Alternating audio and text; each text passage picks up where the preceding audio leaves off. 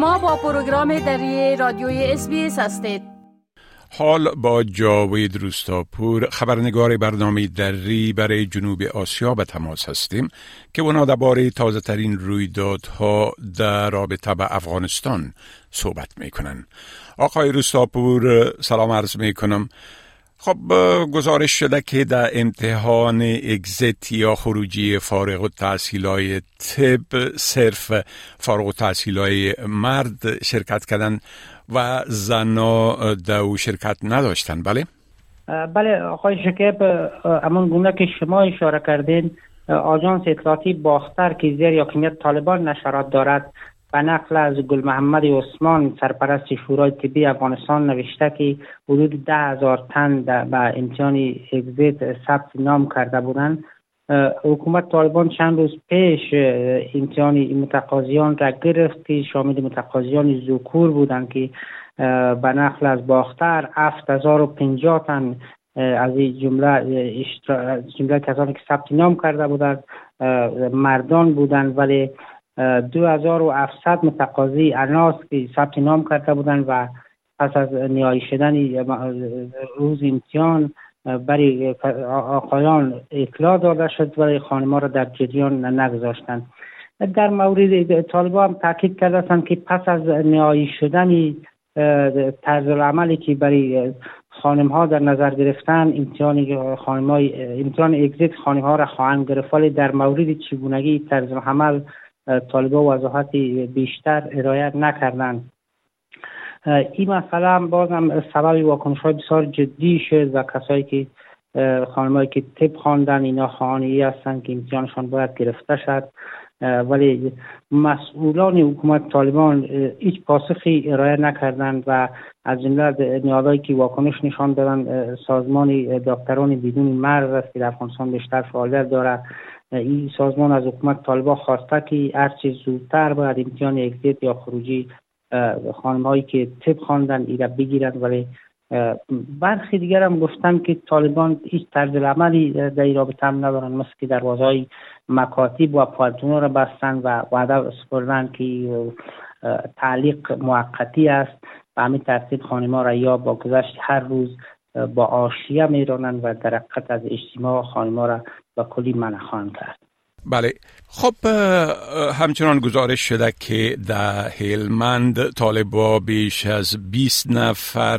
به شمول معاون والی حکومت سابق دستگیر کرده. بله. بله دقیقا منابع محلی به چند رسانه گفتن که بازداشت در ولایت هلمند از دو هفته به به دستوری والی طالبا شدت گرفته و اینا لیست و آماری که از گذشته دارند با یا دسترسی پیدا کردن و سیستم بایومتریک را به خصوص از نظامیان پیشین به دست آوردن و به اساس سیستمی که اینا لیستی که دارن نظامیان پیشین را بازداشت می‌کنن و این نظامیان در زندان های طالبان زیر شکنجه بسیار جدی قرار دارند. منابع گفتن که معاون والی که در جمله 20 نفر است که از پنج روز طرف طالبا بازداشت کردن در بازداشتگاه طالبا به سر می‌برند و گفته شده که این در اثر شکنجه کشته شده ولی تا حال تایید نشده. این مسئله تنها ادعاست به همین ترتیب گفته شده که تعدادی از افرادی را که طالبان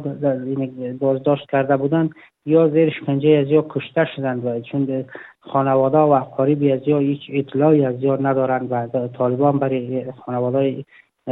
افراد بازداشت شده که عمدتا نظامیان پیشین اطلاعی نمی‌دهند که یا در کجا هستند و در چی وضعیت هستند. این در حال است که در ماهای پسین از ولایت های مختلف افغانستان گزارش شد که طالبا نظامیان پیشین در عمدتا نظامیانی که چه کسایی که در استخبارات یا در امنیت ملی پیشین کار می‌کردن یا را بازداشت می‌کنن و با وجودی که عفو عمومی اعلام کردن روند بازداشت و گرفتاری طالبا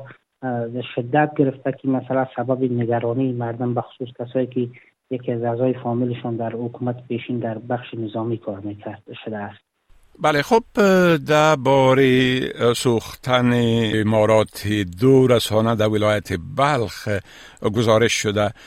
و گفته میشه که نشرات ای رسانه ها هم متوقف شده بله؟ بله در شهر مزار شریف مرکز ولایت بلخ ساختمان یا دفتری کاری دو رسانه آتش گرفت و در پی آتش سوزی نشرات رسانه ها متوقف شد تلویزیون پیکان و رادیو نهاد که در یک ساختمان یا دفتری مشترک کار می‌کردن در شهر مزار شریف یا روز گذشته به اثر شارتی برق دفترشان آتش گرفت و به بنیاد اطلاعی که مسئولان رسانه ارائه کردن اکثر وسایل این رسانه ها سوخته و به همین دلیل نشرات این رسانه ها متوقف شده مسئولان تلویزیون پیکان و رادیو نهاد گفتن که این آتش نزدیک به ده میلیون افغانی برای دو رسانه خساره وارد کرده و به همین دلیل هم نشرات آنها متوقف شده که بیشتر وسایل فنی و فرستنده های این دو رسانه در سر این آتش سوزی سوخته. تلویزیون پیکان و رادیو نهاد که در تنها در شهر مزار شریف اینا نشرات دارند گفتن که توانایی دوباره خریداری وسایل فنیشان را و بازسازی دفترشان را ندارند و به همین دلیل امکان دارد که نشراتی رسانه تا زمانی که اینا به یک پولی دسترسی پیدا کنند یا امکاناتی اقتصادیش را پیدا کنند نشراتی رسانه ها متوقف خواهد ماند. این در حال است که شماری بیشتری رسانه هم در ولایت بلخ پس از تسلط طالبا متوقف شده که تنها از تلویزیونی که در بلخ نشرات دارد تلویزیونی آرزو است. دیگر رسانه ها بخصوص تلویزیون ها متوقف شدن و از جمله 16 رسانه رادیوی محلی که در بلخ نشرات داشتن گزارش شده که تنها سه رادیو به شمول به رادیوی دولتی که نظارت طالبان نشرات داره ای فعالیت داره و متباقی رسانه ها فعالیتشان متوقف شده و رسانه های چاپی که در بلخ افتنامه ها و یکی دو روزنامه بود و چند مجله اینا به صورت کلی پس از تسلط طالبان نشراتشان متوقف شده. بله خب بسیار تشکر آقای روستاپور از این معلوماتتان و فعلا شما را به خدا می سپارم و روز خوش برتان آرزو می کنم